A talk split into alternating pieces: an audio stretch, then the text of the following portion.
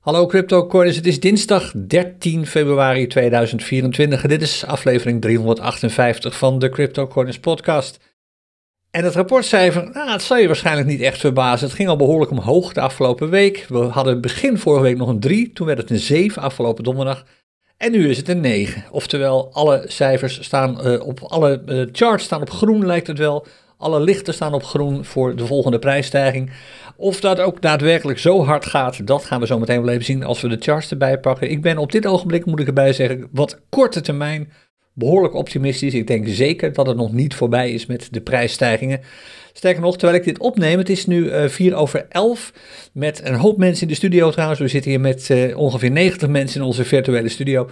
En terwijl ik dit opneem, is het uh, uh, bijna alweer zover dat we door de high heen gaan die we hadden staan. De, de piek op dit ogenblik. daar komen we volgens mij, gaan we daar doorheen zo meteen tijdens de opname van de podcast. Zou me helemaal niks verbazen. Dat gaan we zo meteen zien als we de charts erbij pakken. Een 9 dus. Um, wat gaan we doen vandaag allemaal? Even wat kort nieuws van ons. Er speelt weer van alles binnen CryptoCoins. We gaan even naar buiten. We kijken even naar wat macro dingetjes die interessant zijn om te weten en te beseffen als je je afvraagt hoe het verder gaat wat de prijs van Bitcoin betreft binnenkort. Um, en dan kijken we natuurlijk even naar de charts. En we kijken ook even naar wat er op Wall Street gebeurt. Spoiler alert, same old, same old. Dat doen we allemaal straks. Uh, er is een vraag, ik heb een vraag gesteld vorige week uh, donderdag tijdens de podcastopname toen. En uh, ik was eigenlijk heel nieuwsgierig naar waar je bent als je luistert naar de Crypto Corners podcast. En er zijn heel veel hele verrassende reacties opgekomen van mensen die in hijskranen zitten, tot mensen die daadwerkelijk onder de douche staan terwijl ze naar de podcast luisteren. Moet je nagaan. Maar ik heb besloten om de, omdat er zoveel leuke antwoorden zijn, uh, die even uit te stellen tot aanstaande donderdag. Uh, nee, aanstaande vrijdag bij de volgende aflevering van de Crypto Corners podcast. Dus als je nog zin hebt om ook even antwoord te geven op die vraag. Waar ben jij als je luistert naar de Crypto Corners podcast? Dus misschien in een bijzonder land of op een bijzondere plek of op je werkplek als die bijzonder is. Aarzel niet en antwoord nog even als reactie op deze podcast aflevering. Dan hoor je bij de volgende aflevering, dat is dus aanstaande vrijdag. Zo ben je de leukste reacties en de meest interessante reacties. En aan iedereen die al heeft geantwoord, dat zijn er echt tientallen, uh, ontzettend bedankt. Heel leuk om al dat soort dingen te lezen. Ik vind het elke keer weer verbazingwekkend als ik zie waar mensen zijn als ze luisteren naar de podcast. En dat is echt overal, over de hele wereld en ook op de meest aparte plekken. Oké, wat het nieuws van uh, ons betreft, van CryptoCoiners. Als je gisteren erbij was bij de CryptoCoiners Connect livestream, dan weet je het. En misschien heb je zelfs al de volgende stap genomen. We gaan over naar Discord met de hele CryptoCoiners community. Tenminste, dat is het plan. Dus ook jij, als je het leuk vindt en je wilt CryptoCoiners blijven volgen. En je wilt met name blijven praten met andere CryptoCoiners. Kun je dat doen uh, op Discord. Uh, de link is www.cryptocoiners.nl. Je raadt het al, slash Discord. Daar kun je terecht. Uh, er zijn ruim 100 nieuwe aanmeldingen bijgekomen, gisteren alleen al. En er waren er al bijna 2000. Kortom, het wordt daar steeds gezelliger en steeds drukker. En ik raad je absoluut aan, ook als je wat problemen hebt met Discord, omdat je het een beetje lastig vindt om te begrijpen, een beetje moeilijk te doorgronden. Kijk even terug naar de Crypto Corners Connect stream van gisteren, maandag uh, eh, 12 februari. En ik denk dat daar ook wel een samenvatting van komt. Die maakt Daan meestal, die komt dan meestal de dag daarna, de stream highlights. Daar vind je in het kort even samengevat waarom jij ook over wilt naar onze Discord server in plaats van op Telegram en op andere platformen proberen met ons in contact te komen. Dan de cursus. Ik weet niet of ik het vorige week al verteld had. Volgens mij niet. Nee, want dat heb ik eh, volgens mij is dat pas donderdagmiddag gebeurd. De cursus beleggen en traden met Bitcoin. Als je een van de mensen bent die die cursus heeft gevolgd en je hebt nog geen mail gehad, kan zijn dat hij in je spamfilter is beland. Er staan twee nieuwe terugkomstsessies op dit moment op de planning. De ene is uh, aanstaande dinsdag, vandaag over een week, middags. En de volgende is dinsdag 5 maart en die is gewoon s'avonds. En voor beide terugkomstsessies waarin we uitgebreid vragen gaan beantwoorden over alles wat met traden en beleggen met bitcoin te maken heeft. Mits je dus die cursus volgt of hebt gevolgd. Die, die staan dus nu gepland, daar kun je je nog voor inschrijven. Dan het CryptoCoins Café. Het café is niet morgenavond, maar hou je vast, morgenochtend. Morgenochtend voor de eerste keer volgens mij dat we woensdagochtend een CryptoCoins Café bijeenkomst doen. Morgenochtend om half elf gaan we live traden in het CryptoCoins Café. De link wordt eerder aangepast. En als je tijd hebt morgenochtend, kom dan gezellig langs. En dat de podcastaflevering van donderdagochtend verschuift naar vrijdagochtend. Zo, nu ben je helemaal bij. Wat is er buiten cryptocoins gebeurd op het gebied van bitcoin en crypto? Best wel veel en tegelijkertijd ook niet zoveel. Het meeste nieuws hebben we afgelopen dinsdag al gehad, vorige week. Daarnaast, dat was het meeste was FUT. Nou, inmiddels is de meeste angst daarover al een beetje weg. Dat zie je al aan de prijsontwikkeling van Bitcoin. Bitcoin is lange tijd niet zo hoog geweest als hij nu staat. De laatste keer dat dat gebeurde was volgens mij eind 2021. Ik scroll nu alvast even terug op de nog onzichtbare chart. Ja, dat was de week van 27 december, de week voor kerst 21. Ook toen had Bitcoin de prijs van 50 bereikt. Zei dat hij toen op weg naar beneden was. En nu gaat hij waarschijnlijk op weg naar boven. En er stond een interview, of er was gisteren een interview op uh, eh, CNBC met uh, Michael Saylor. Misschien ken je de naam wel. Dat is een van de grootste Bitcoin-fans ever. Ik zeg er wel bij, Michael Saylor is ook niet altijd even betrouwbaar in zijn voorspellingen en prognoses. Hij heeft ook nog eens een keer gigantisch naast gezeten. Maar hij, eh, als hij feiten noemt, dan kloppen die feiten altijd wel. En dit feit wordt ook bevestigd uit andere bronnen. Hij haalde er het nieuws mee. En het nieuws was dat eh, de Bitcoin-vraag op dit ogenblik. Eigenlijk komt erop neer dat miners de bitcoins niet kunnen aanslepen. De behoefte aan bitcoin is op dit ogenblik tien keer zo hoog als het aanbod van bitcoin. En dat komt heel simpel door al die ETF's. Om te beginnen kunnen de institutionele partijen kunnen niet aan genoeg bitcoin kopen. Dat uh, komen, dat drijft de prijs al op. Maar ook in de retailmarkt, dat zijn jij en ik, uh, wordt de behoefte en de vraag naar bitcoin steeds groter. Dat zie je op dit ogenblik ook aan de prijsontwikkeling natuurlijk. De prijs van bitcoin is de laatste paar dagen echt enorm gestegen, flink parabolisch gestegen. Dit is de tweede parabolische stijging die we zien sinds oktober. Uh, oktober vorig jaar hadden we het eerst al, toen ging de prijs in een hele korte tijd opeens omhoog van, uh, toen stonden we nog op 27.000, ging in één klap omhoog naar 34, kwam er zomaar eventjes 20, 30 procent bij. En nu zie je eigenlijk, als je terugkijkt naar nog geen, iets meer dan, nee, nog geen maand geleden, 22 januari, toen klokten we nog 38.000 en nu zitten we alweer 30 procent hoger op de 50 Oftewel, een soort FOMO-run. De prijs stijgt explosief. De prijsstijging die we nu hebben is een rechtstreekse reactie van de ETF's. Het feit dat institutionele beleggers nu op een makkelijke manier aan Bitcoin kunnen komen zonder dat ze zelf Bitcoin in eigen wallets hoeven te stoppen. Dus ze kopen eigenlijk het recht op Bitcoin via een zogenaamd Exchange Traded Fund, een ETF, ETF's. Het feit dat dat nu werkt en kan, ehm, en het feit dat daar zo ontzettend enthousiast op wordt gereageerd. Het enthousiasme voor die ETF's overstijgt ieder zijn verwachtingen. De eerste paar dagen reageerde de markt extreem lauw, extreem teleurgesteld. Een paar weken geleden inmiddels. Nou, dat, die teleurstelling is inmiddels al weg. Het optimisme is enorm. En dat is de allerbelangrijkste oorzaak van de huidige prijsstijgingen ook in de retailmarkt. Dat zorgt ervoor dat de bitcoin prijs door de 50.000 is heen gebroken. En dat het daar waarschijnlijk, eigenlijk als je naar de charts kijkt, kun je bijna zeggen zeker, maar je weet het, er kan altijd iets geks gebeuren. Bijna zeker dat het daarbij niet blijft. We hebben een um, 50.385 dollar high gezien. Deze, vandaag zelfs, was, was deze week. En dus ook vandaag. Zometeen pakken we de charts erbij. En dat is niet de laatste high. Ik denk dat we nog een veel hogere high gaan zien. Ik ben niet verbaasd als we richting de 354.000 dollar doorschieten binnen nu en de komende paar dagen. Je weet het nooit zeker. Dit is zeker geen tip om nu maar snel bitcoin te kopen. Sterker nog, daar kom ik zo meteen nog even op terug. Dit is ook niet iets van, oké, als hij het zegt, dan zal het wel gaan gebeuren. Dus ik stap nog snel even in. Of ik neem die short positie maar niet. Dat zul je op basis van hele andere criteria willen beslissen of je wel of niet ergens instapt. En zeker niet op basis van iets dat iemand tijdens een stream, een podcast of in een blogartikel zegt of zo. Dat wil je echt zelf kunnen bepalen. Ik ga je zo meteen wel wat tips geven hoe je dat bijvoorbeeld kunt doen. Ehm, volgende week trouwens, ik heb vorige week wat reacties gekregen op een chart die ik toen met je deelde over ehm, de toekomstverwachting van Bitcoin. Dat was die chart waarin ik een uh, logaritmische uh, candles liet zien, logaritmische prijsontwikkeling.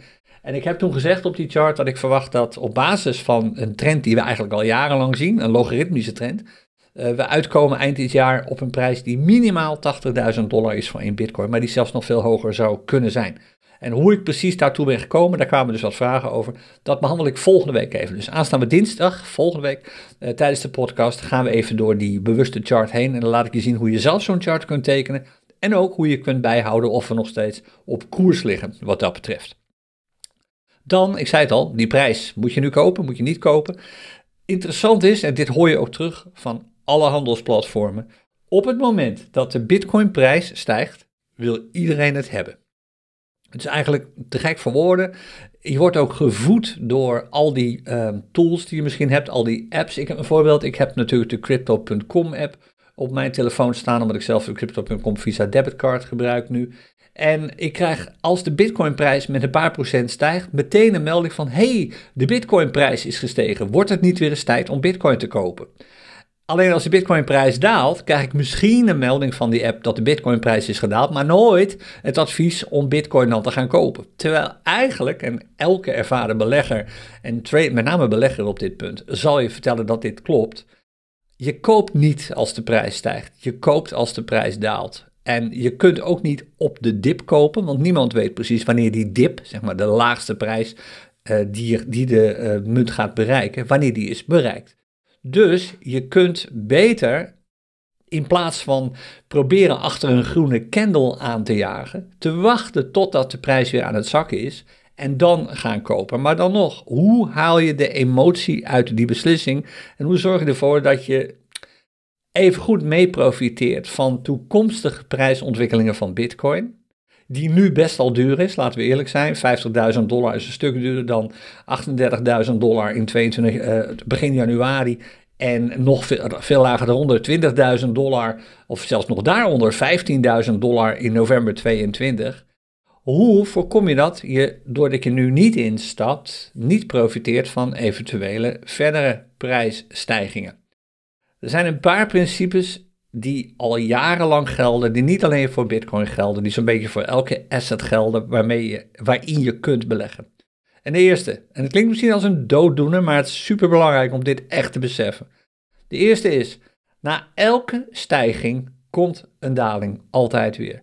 Je ziet nu al, wij maken ons daarbij uh, eh, natuurlijk ook in min of meer, meerdere mate uh, schuldig aan. Wij anticiperen nu ook al, uh, heeft dat al heel duidelijk aangegeven, op een daling. Want ja, er is nu een enorme prijsstijging geweest van Bitcoin. Dat ding gaat in vier weken tijd van 38.000 naar 50.000, dat is 30%, erbij. Dat betekent dat er absoluut ook een daling moet komen. De prijs gaat nooit in één rechte lijn omhoog. Kijk maar eens naar een willekeurige Bitcoin chart of een, nogmaals een chart van alles wat je kunt kopen, elke asset. En je ziet tussen al die groene candles, zelfs als de prijs structureel stijgt, er altijd wel een rode candle tussen zitten. Dat betekent niet dat de prijs in een enorme daling terecht hoeft te komen, maar er komt altijd een prijsdaling. Waarom zou je daar niet op wachten? Dat is één. Maar daar kun je in de praktijk waarschijnlijk wat minder mee, omdat je emoties dan een rol gaat spelen. Oh, daalt hij misschien nog wel verder? Daalt hij misschien nog wel verder? Oh, is hij nou toch weer aan het stijgen? Zal ik dan toch nu maar snel instappen? Er is een betere manier om dit te doen. En dit is eigenlijk de beste tip die ik zelf ooit heb gekregen toen ik overwoog om te gaan beleggen. En dat is, waarom zou je de vraag stellen van, moet ik nu instappen of niet? Namelijk een ja-nee vraag. Waarom maak je er niet een vraag van? Met hoeveel stap ik nu in?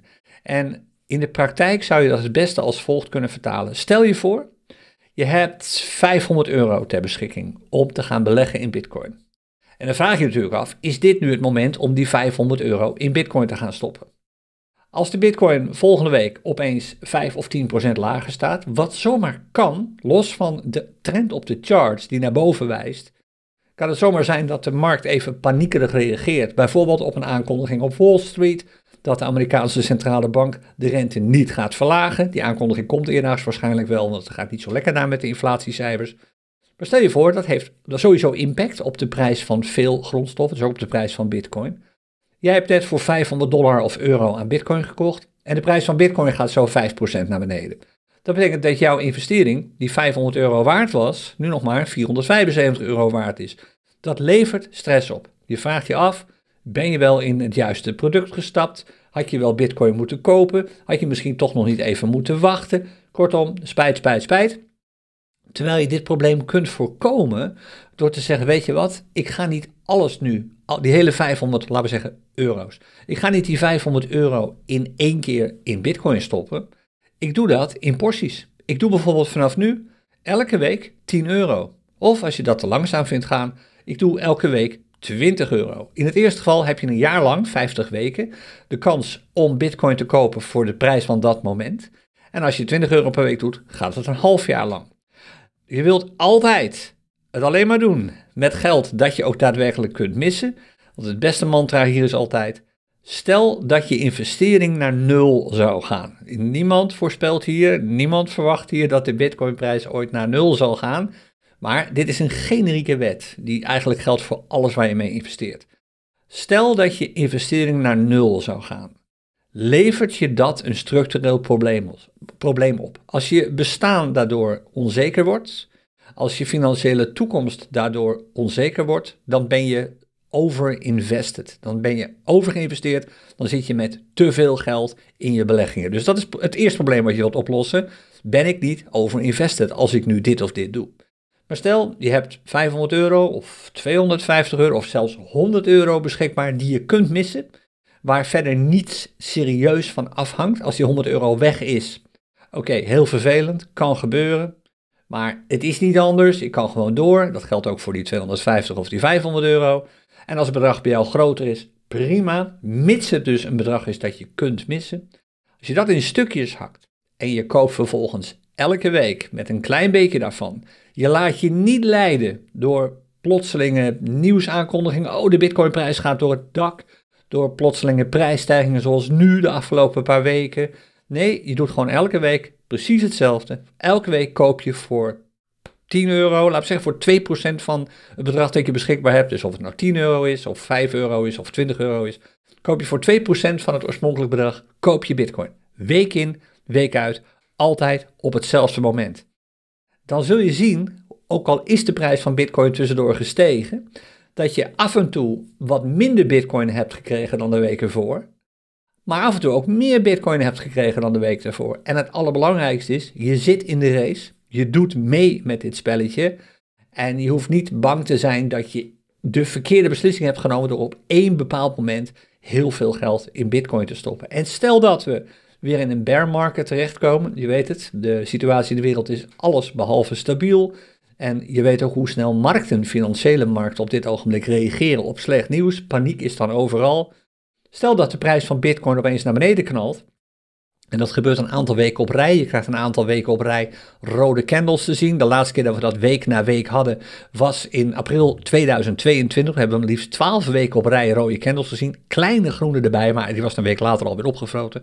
12 rode candles op rij. Als je dat um, ehm, 12 weken op rij ook hebt, het maakt niet uit. Je krijgt dan gewoon week na week wat meer bitcoin voor je euro's. En je hoeft ook niet elke week natuurlijk wat euro's op een handelsplatform te storten. Je zou kunnen zeggen, weet je wat, dat doe ik in één keer. Ik stort nu bijvoorbeeld een paar honderd euro op Bitfavo of op Qcoin of op Bybit. En elke week koop ik op een van die handelsplatformen voor een paar procent van de bitcoin.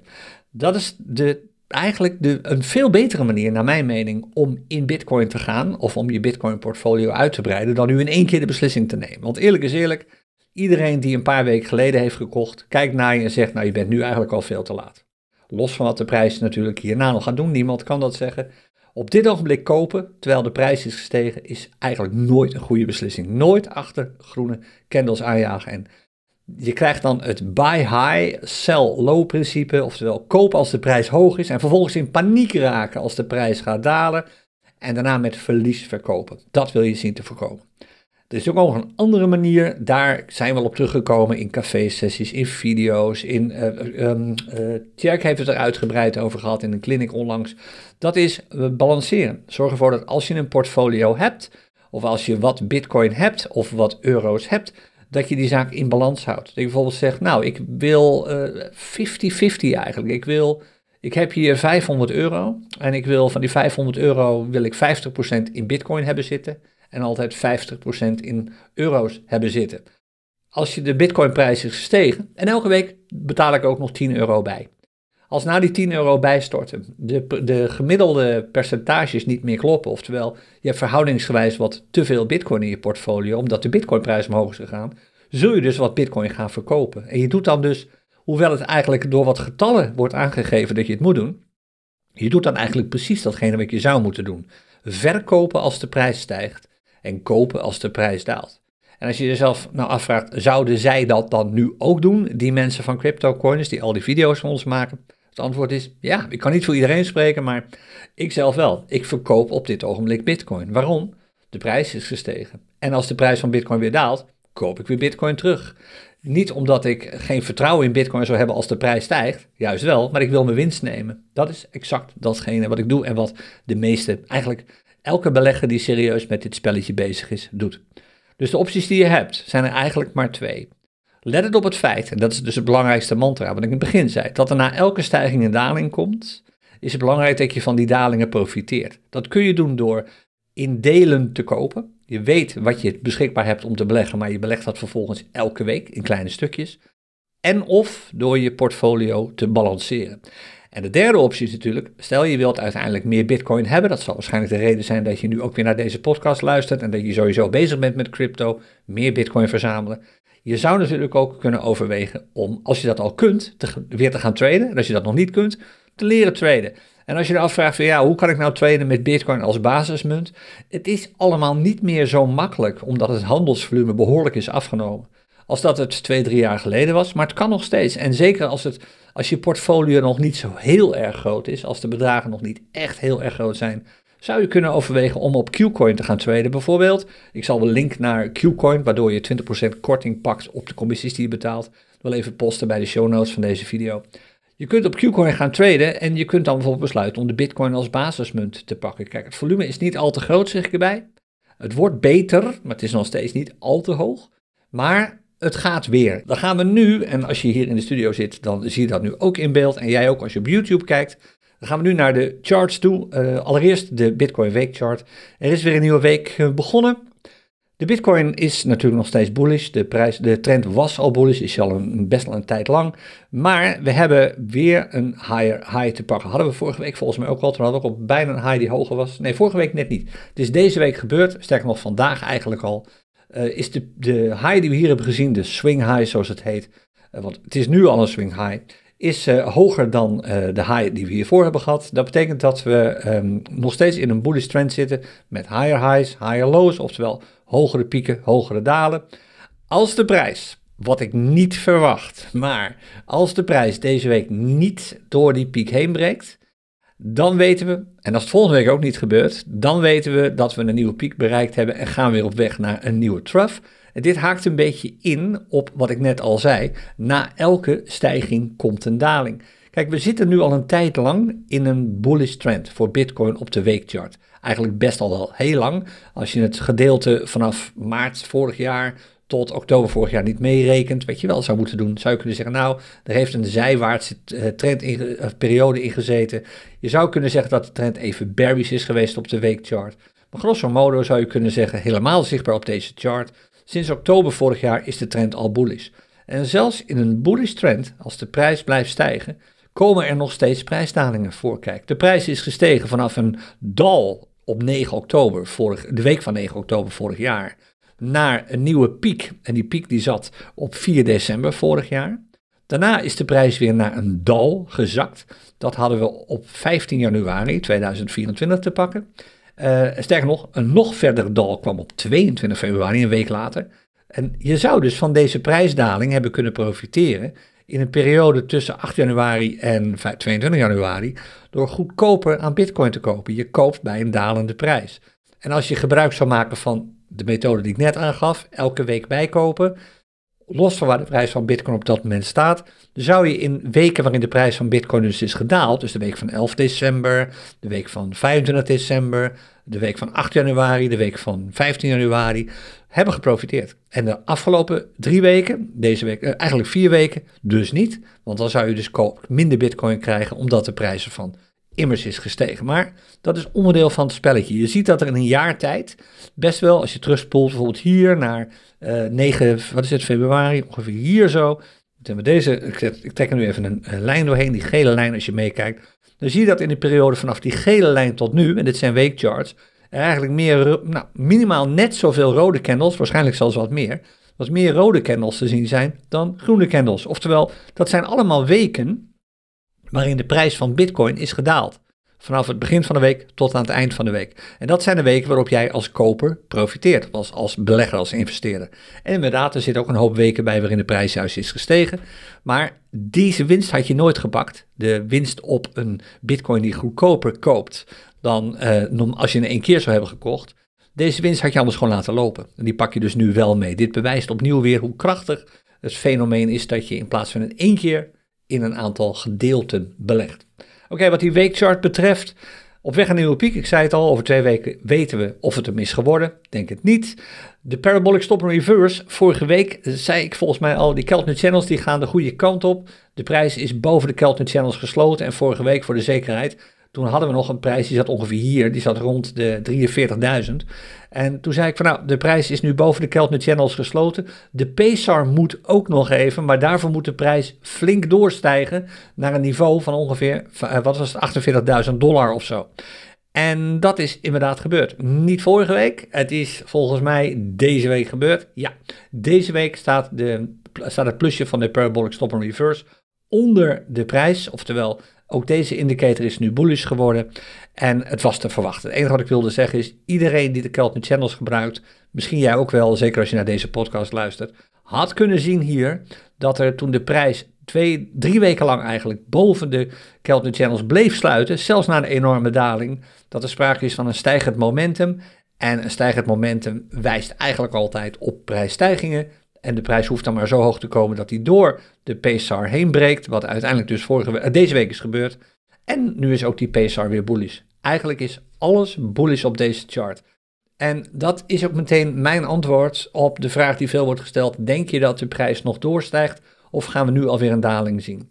Als ik kijk naar deze weekchart, en het kan best zijn dat we morgen of overmorgen of vlak voor het weekend even een daling meepakken. Als er wat paniek ergens uitbreekt of als er een weerstandsniveau wordt bereikt waardoor mensen hun winst gaan pakken of waarop mensen hun winst gaan pakken. Als ik naar deze weekchart kijk, er is geen één signaal op deze weekchart te zien dat wijst op een prijsdaling, een grote prijsdaling, in ieder geval op een trend reversal, een ommekeer van die bullish trend. De PSAR is bullish, de unbalanced volume is bullish, de peaks en troughs zijn bullish, Keltner Channels laten een bullish momentum zien. Kortom, alles wijst op veel verdere prijsstijgingen. Wat je in de gaten wilt houden deze week is of het volume meedoet. Het volume, dat is die groene staaf hieronder als je meekijkt. Dat volume dat laat zien dat um, uh, op dit ogenblik, en zeker de afgelopen weken, dat bij een stijgende prijs er ook meer wordt gehandeld. Dat wil je terugzien. Dit is het volume in aantal bitcoins en niet in prijs. Je zou kunnen zeggen, ja, maar de prijs van bitcoin is dus gestegen. Geen wonder dat het volume stijgt. Nee, dit is het aantal verhandelde bitcoins. Dat daalde wat sinds 22 januari, maar het stijgt nu weer. En deze week wil je in de gaten houden. Dus de week van 12 februari, de week waar we nu in zitten, is net begonnen, gisteren begonnen.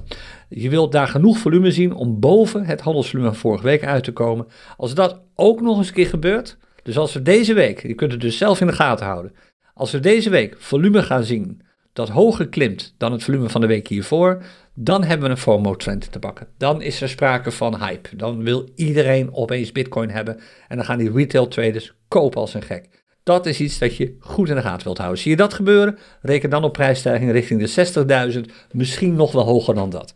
Zie je het niet gebeuren, oftewel blijft dat volume deze week achter en komt het niet hoger dan zeg maar drie kwart van het volume van de week ervoor, reken dan op een afname van het momentum, dan zal de prijs nog wel een beetje doorstijgen. Dat kan eigenlijk niet anders meer, de prijs kan bijna niet anders dan verder omhoog, maar dat gaat het niet zo hard meer. En dat is meteen wat je ook zult terugzien in de lengte van de candle bodies op dit ogenblik.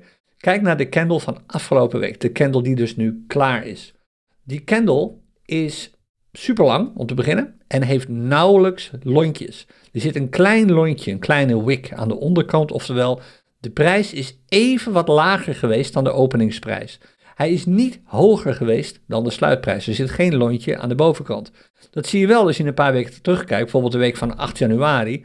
Dan zie je een candle met een body, dus de open en de sluitprijs. Het was een rode candle. En de prijs is even wat lager geweest dan de sluitprijs maar is een stuk hoger geweest dan de openingsprijs. Dit aan de bovenkant, zo'n lange wick, zo'n lange lont aan de bovenkant, wijst op afwijzing. De week daarvoor zat er ook al zo'n wick aan de bovenkant. De weken daarvoor eigenlijk ook al, maar dit is een hele duidelijke, die week van 8 januari. De week daarvoor werd er al afgewezen. Op 8 januari werd er nog een keertje afgewezen. Hier weet elke trader dat de kans dat de Bitcoinprijs doorstijgt de komende week bijna nul is. En dat zie je ook gebeuren. De week daarna zie je de prijs dalen. Die daling daarna, in de week van 15 januari, was een hele interessante. Want eigenlijk is de prijs niet veel, hij heeft niet veel bewogen, laten we zo zeggen, sinds de opening. Als je alleen maar aan het begin van de week en aan het eind van de week zou kijken, dan heeft de prijs van Bitcoin in de week van 15 januari niet zoveel gedaan. Maar als je kijkt naar die wicks, die lontjes aan de bovenkant en de onderkant, dan zie je dat er een enorme prijsbeweging is geweest. Van boven naar beneden rekenen 7,5%.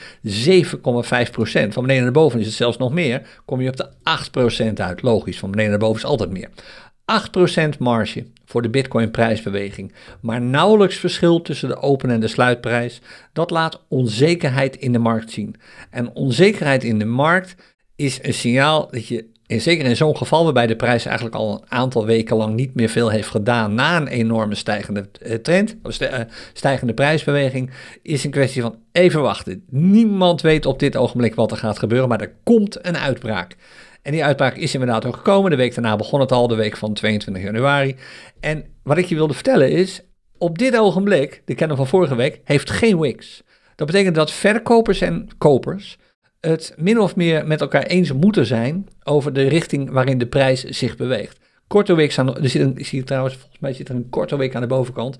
Die PSAR staat er net uh, boven. Ja, er zit een hele korte week aan de boven- en onderkant ten opzichte van de lengte van de body zelf, van de candle body zelf. Dat wijst op uh, overeenstemming. Kopers en verkopers kunnen niet anders dan het met elkaar eens zijn over de prijs. Dit is de prijs waarvoor moet worden gehandeld. Dit is een terechte open en een terechte sluitprijs. Geen wonder dat de prijs zo is gestegen. De candlestick van deze week wil je wat dat betreft goed in, in de gaten houden. Hoe langer die wicks worden, en met name hoe langer die wicks zijn aan het eind van deze week, als deze candle is gesloten, omdat er een nieuwe candle is begonnen, des te duidelijker het signaal dat er onzekerheid ontstaat.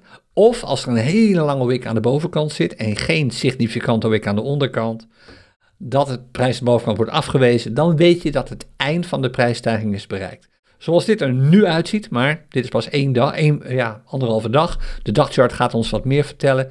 Maar zoals het er nu naar uitziet op de weekchart, gaat het nog lekker door. Er is geen enkel signaal nu nog op de weekchart dat het voorbij is met die prijsstijgingen. Dus ik ga ervan uit dat we makkelijk door kunnen met, laten we zeggen, de helft van deze body sowieso. Dus dat zou een prijsstijging zijn van, laten we eens even kijken, dit was uh, eh, 13%. Nou, dan gaan we sowieso sinds de opening naar 6, 7%. 52.000 is een haalbaar, sowieso een haalbaar bedrag. Misschien morgen al. Ik ben heel benieuwd of we daar gaan komen. Wat die dagchart betreft, al waar ik op let trouwens, wat die weekchart betreft, die vraag wordt vaak gesteld. Ik kijk met name naar de Keltner Channels natuurlijk. Blijft dit momentum zo enorm hoog? De prijs sluit nu al een, een aantal weken lang boven de Keltner Channels en nu ruim erboven. Behoorlijk echt een overspannen markt lijkt het wel. Is het nog niet? volume gaat veel betekenen. Blijft dat zo? En, ik zei het net al, blijft dat volume zo? Als dat volume zo blijft als nu, als er nauwelijks meer wordt gehandeld, maar de prijs blijft stijgen, dat geeft aan dat er een mogelijke bulltrap aan het ontstaan is, een valkuil voor de optimisme, optimisten. Er wordt relatief weinig gehandeld bij een stijgende prijs. Dan duurt het vaak niet lang of de prijs gaat naar beneden. Maar het lijkt erop dat het volume prima in orde is, want we zijn pas anderhalve dag bezig. En we zitten nu al qua volume op uh, absoluut, wat is het, uh, minder dan, meer dan 20% van de volume, uh, volumestaaf van de week ervoor. Ziet er goed uit op dit ogenblik. De dagchart laat al wat meer zien wat dat betreft. En kijk, als je naar het volume kijkt van gisteren, laten we daar maar even mee beginnen. We hebben eerst vanaf maandag 5 hebben we gezien dat het volume steeg. Kijk, hier heb je een FOMO run. Kijk, hier vier dagen lang Volume wordt steeds hoger tot en met uh, vrijdag 9 februari. Prijs zie je ook explosief stijgen, zeg maar geometrisch. Dit is een parabool, zoals het zo mooi heet. En nu zie je weer een parabool ontstaan. Kijk, de laatste, de laatste drie complete candles vanaf afgelopen zaterdag. Hier ontstaat die parabool. En je ziet hier ook het volume weer toenemen. Kijk, met name gisteren is het volume enorm toegenomen. Op dit ogenblik wil je, de candle voor vandaag, wil je eigenlijk een volume zien dat in de buurt komt van het volume van gisteren. Het hoeft er niet boven te gaan, want dat laat zien dat de markt echt aan het overspannen is. Het liefst wil je dat het volume aardig in de buurt zit van de volumestaaf van gisteren. Dan is er sprake van een gezonde prijsstijging. Dus het volume heeft nog wel even wat te doen. Er wordt dus relatief weinig gehandeld op dit ogenblik. Terwijl de, terwijl, en de prijs beweegt dus nu ook niet zoveel. Hetzelfde met die candlesticks geldt hier ook weer. Kijk, hier was er wat afwijzing naar boven toe. Als je kijkt naar de candle van vrijdag de 9e. die afwijzing heeft twee dagen op rij plaatsgevonden. De candle van de 10e, ook daar kwam de prijs niet boven die wick uit. Nu, de candle van gisteren, die heeft een relatief lange body, net als de candle van de negende. Dat geldt dus niet voor die van de tiende en van de elfde. Maar die van gisteren heeft dat ook weer. Een relatief lange body ten opzichte van de lontjes, ten opzichte van de wick. Dat duidt op momentum. Er zit veel groei in de markt op het ogenblik. Er wordt hard op het gaspedaal getrapt. En dat zie je ook al aan de Keltner Channels terug. De prijs sluit nu al een aantal dagen op rij, vier dagen op rij, boven de bovenste band van de Keltner Channels. Oftewel, het momentum stijgt de Keltner Channels geven nu een bullish signaal af. Dus het einde van deze prijsstijgingen is ook volgens deze chart nog niet in zicht. Want op deze chart zien we eigenlijk hetzelfde als op de weekchart, hetzelfde patroon. We hebben een higher high te pakken, de high van vandaag, die uh, 50.385 dollar, die heeft, is vandaag geweest. Gisteren zijn we daar net niet aan toegekomen. Toen bleven we op 333 dollar uh, steken. 385 dollar was vandaag. Um, het is, op dit ogenblik is deze candle niet iets uh, wat een signaal afgeeft. Daar wil je echt op wachten tot hij is gesloten.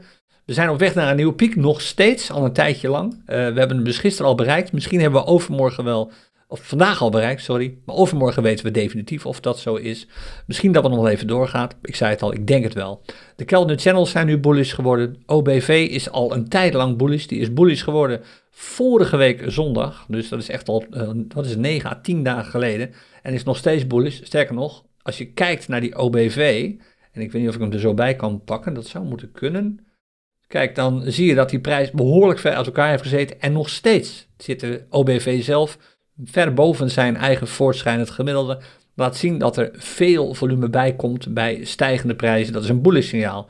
Uh, dus hier ook opnieuw, uh, het ziet er allemaal heel erg bullish uit op dit ogenblik.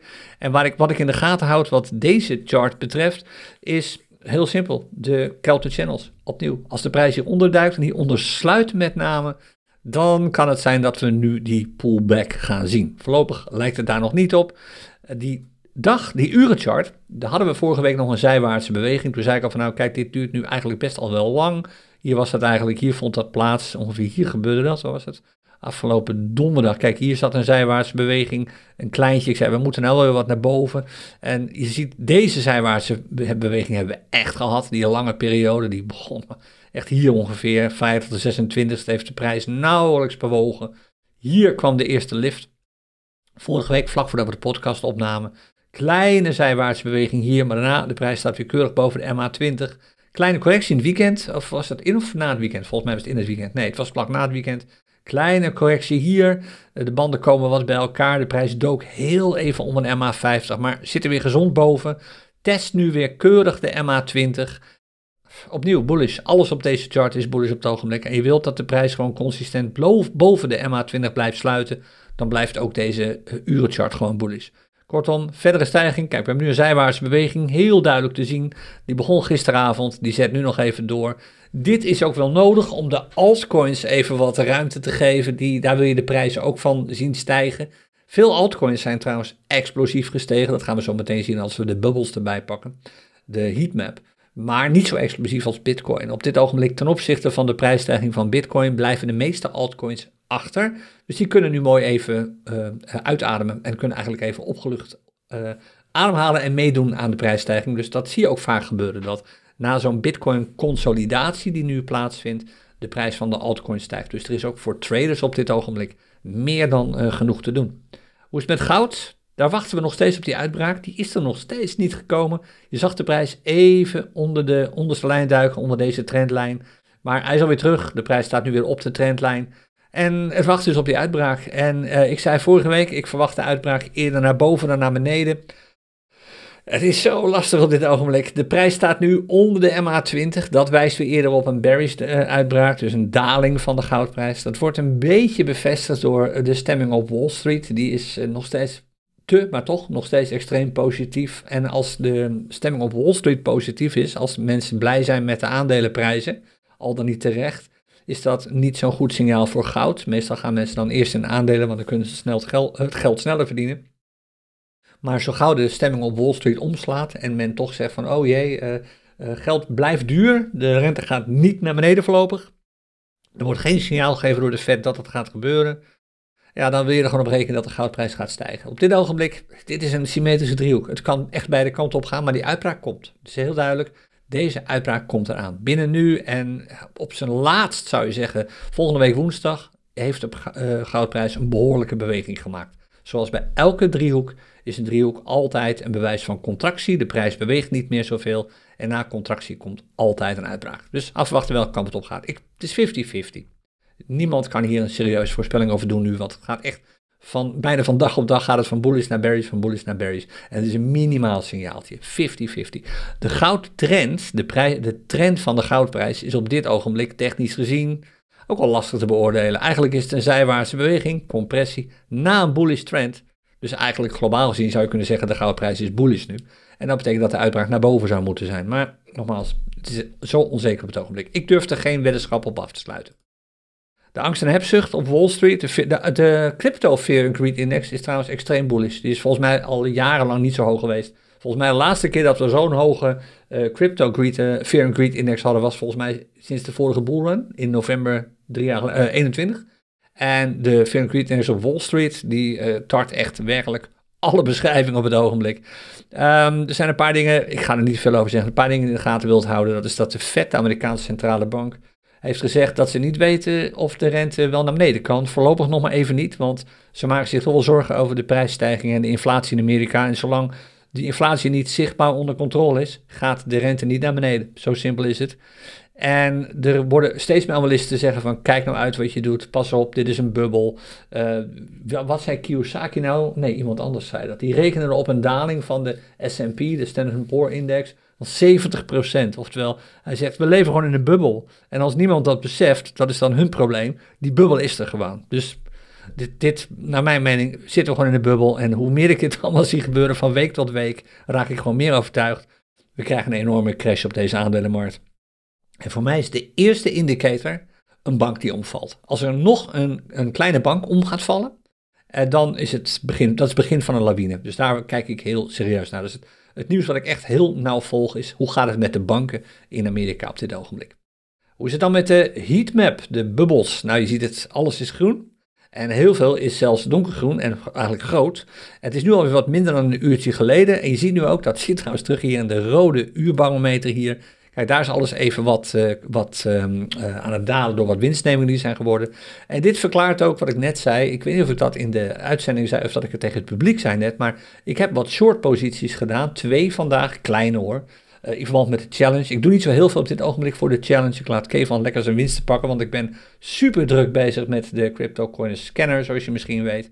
En um, wat die challenge betreft, ik profiteerde vandaag even, want er zijn zulke explosieve, prijs, explosieve prijsstijgingen geweest. Daar kun je niet anders dan van profiteren. Uh, ik heb op wat, uh, wat Bybit uh, derivaten trades gedaan. C98 was de laatste.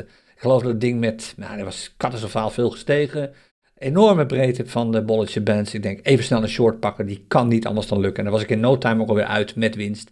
En je ziet hier terug dat dat inderdaad kan. Als ik kijk naar de scanner nu, de trend voor de meeste altcoins ten opzichte van, uh, ten opzichte van de dollar is bullish. Die, is, uh, die was vorige week nog bearish, die is wat bullish geworden. Het is nog niet zo heel overtuigend bullish. Het is nu ongeveer 29% of zo. Wat veel interessanter is om te zien, is dat de trend voor de meeste munten, als je ze met Bitcoin zou moeten kopen, dus de Bitcoin trend, uh, muntparen, is echt heftig bearish. Die staat op 44% op dit ogenblik. Dat is iets om heel goed in de gaten te houden. De prijzen van altcoins hebben echt nogal wat te doen. Als je de barometer erbij pakt, dan zie je deze waarden hier terugkomen. Dit is de bubbels eigenlijk. Kijk, sinds de afgelopen dag zijn gemiddeld de prijzen van alle munten in dollar uitgedrukt met 4,4% gestegen, maar sinds een uur geleden met, wat gedaald, met 0,4% gedaald. Dit biedt dus wat ruimte voor kleine shorts. Waarbij je dus, let op, tegen de trend inhandelt. Hè? Eerlijk is eerlijk. De shorts die ik nam, die zijn kort, heel snel je winst pakken, want je handelt echt zwaar tegen de trend in. Maar omdat die munten zoveel in prijs waren gestegen, kon het niet anders dan dat er een correctie kwam. En het voorbeeld, kijk maar even op de chart als je dat interessant vindt, was C98 bijvoorbeeld. Ondo was een ander voorbeeld. Dat waren twee muntparen, twee derivaten trouwens waren het. Twee contracten op uh, Bybit heb genomen. uh, die allebei zo overbod waren dat het niet anders kon dan dat de prijs zou gaan dalen. En wat dat overbod en oversold betreft, als je de scanner gebruikt, dan heb je het misschien al gehoord. De reden dat ik zelf even wat minder actief aan het uh, traden ben op het ogenblik, heeft alles te maken met een paar fantastische scanner-updates. De laatste, echt, er zijn heel veel updates geweest, maar de laatste heel zichtbare update in de scanner is een uh, toevoeging van de WGHM indicator. En dat is een signaal dat wordt afgegeven. Het is de indicator van Kevan, als je afvraagt waar WGHM voor staat. Kevan, een van onze creators, die zegt altijd, we gaan het meemaken. En als gevolg daarvan heeft hij zijn eigen indicator, WGHM, we gaan het meemaken, uh, heeft hij dus die naam gegeven. En deze indicator is, het is een hele spannende indicator, maar het is wel een hele coole indicator. Het is namelijk een combinatie van twee dingen. De WGHM is eigenlijk niks anders dan kijken naar de RSI-indicator. En kijken of die boven of onder een bepaald niveau staat. Boven de 70% of onder de 30%. De RSI is een oscillator, zoals het heet. En als die waarde boven of onder de 70 aan 30% staat, is die oscillator overbought of oversold, afhankelijk van welke kant die staat. Vervolgens kijkt die bewuste indicator, die WGHM-indicator, of ook de stochastic oscillator onderin of bovenin staat. En als beide indicators, beide oscillators eigenlijk, als die allebei oversold zijn, dan geeft de WGM een oversold signaal af. En als ze allebei overbought zijn, oftewel de prijs gaat volgens die beide indicators waarschijnlijk dalen, geven ze allebei een overbought signaal af. En er zijn drie levels waarop het kan, drie niveaus. Vlak in de buurt van de 70%, uh, eh, vlak, ik geloof bij de 80% en daarboven. En dat geeft ook aan of het high, mid of low is. En het mooie is, je kunt dit dus nu ook aanzetten in de CryptoCoin scanner. Als je zelf de CryptoCoin scanner gebruikt, dit zit al vanaf brons erin, dus je hoeft alleen maar in te tikken, wat was het volgens mij, WGHM info aan. Volgens mij is dat, uit mijn hoofd is dat de opdracht. Uh, ja, kijk, of ze staan al aan bij mij, vandaar dat ik deze melding krijg. Um, als je een silver uh, of een bronze account hebt, dan heb je nog wat meer, sorry, silver of gold, dan heb je nog wat meer mogelijkheden. Dan kun je ook zelfs um, signalen automatisch laten komen op basis van deze indicator. En dan kun je ook regels instellen. Dat heb ik bijvoorbeeld, ik heb het nu ingesteld. Ik wil alleen maar meldingen zien als de WGHM-indicator een signaal afgeeft van minimaal medium. Dat heb ik gedaan met een speciale regel die ik heb toegevoegd. Dus dat zijn wel dingen die je kunt doen, die zijn toegevoegd. Maar je ziet hoe, uh, hoeveel informatie je kunt krijgen nu in één oogopslag voor een melding zonder dat je maar de chart erbij hoeft te pakken. Of je überhaupt wilt overwegen om die chart te bekijken of niet. Nou, dat is allemaal toegevoegd aan de scanner. Daar zijn we super blij mee. Maar zoals ik al zei, het verklaart een beetje waarom ik op dit ogenblik uh, niet echt aan traden toe kom, helaas. Nog even snel, ik zei het al, de trends. Nou, de barometer heb je net gezien. De trends, de USDT-trend, die begint bullish te worden. De Bitcoin-trend is nog steeds zwaar bearish. Daar moet echt nog wel het een en ander gebeuren. Willen we op die chart, uh, of op die uh, Bitcoin-charts weer serieus kunnen gaan traden? Als je toch met Bitcoin wilt gaan traden, wat ik je net al aangaf, hè, toen ik vertelde over mogelijkheden om toch Bitcoin te kopen, kijk dan alsjeblieft super uit, want je tradet in heel veel gevallen gewoon tegen de trend in. Oké, tot zover een iets uitgelopen aflevering van de CryptoCoins podcast. Uh, ik spreek je aanstaande vrijdag weer met een wat kortere aflevering waarschijnlijk, maar wel met een speciale gast. We hebben een gast in onze podcast en die gaat een aankondiging doen over iets dat met aanstaande zaterdag te maken heeft. Dus die aankondiging komt vrijdag en ik raak je nu alvast aan. Als je cryptocoins leuk vindt, als je traden leuk vindt en als je wilt zien hoe andere mensen omgaan met trades die ze hebben eh, geleerd of tradingstrategieën die ze hebben geleerd hier bij CryptoCoiners, dan wil je waarschijnlijk de podcast van aanstaande vrijdagochtend wel even beluisteren. Tot dan, uh, zoals gezegd, morgenochtend alweer een café. Misschien kun je erbij zijn om half elf. Dan spreek ik je daar. En anders spreek ik je aanstaande vrijdag bij een volgende aflevering van de CryptoCoins podcast. Tot dan. Dag.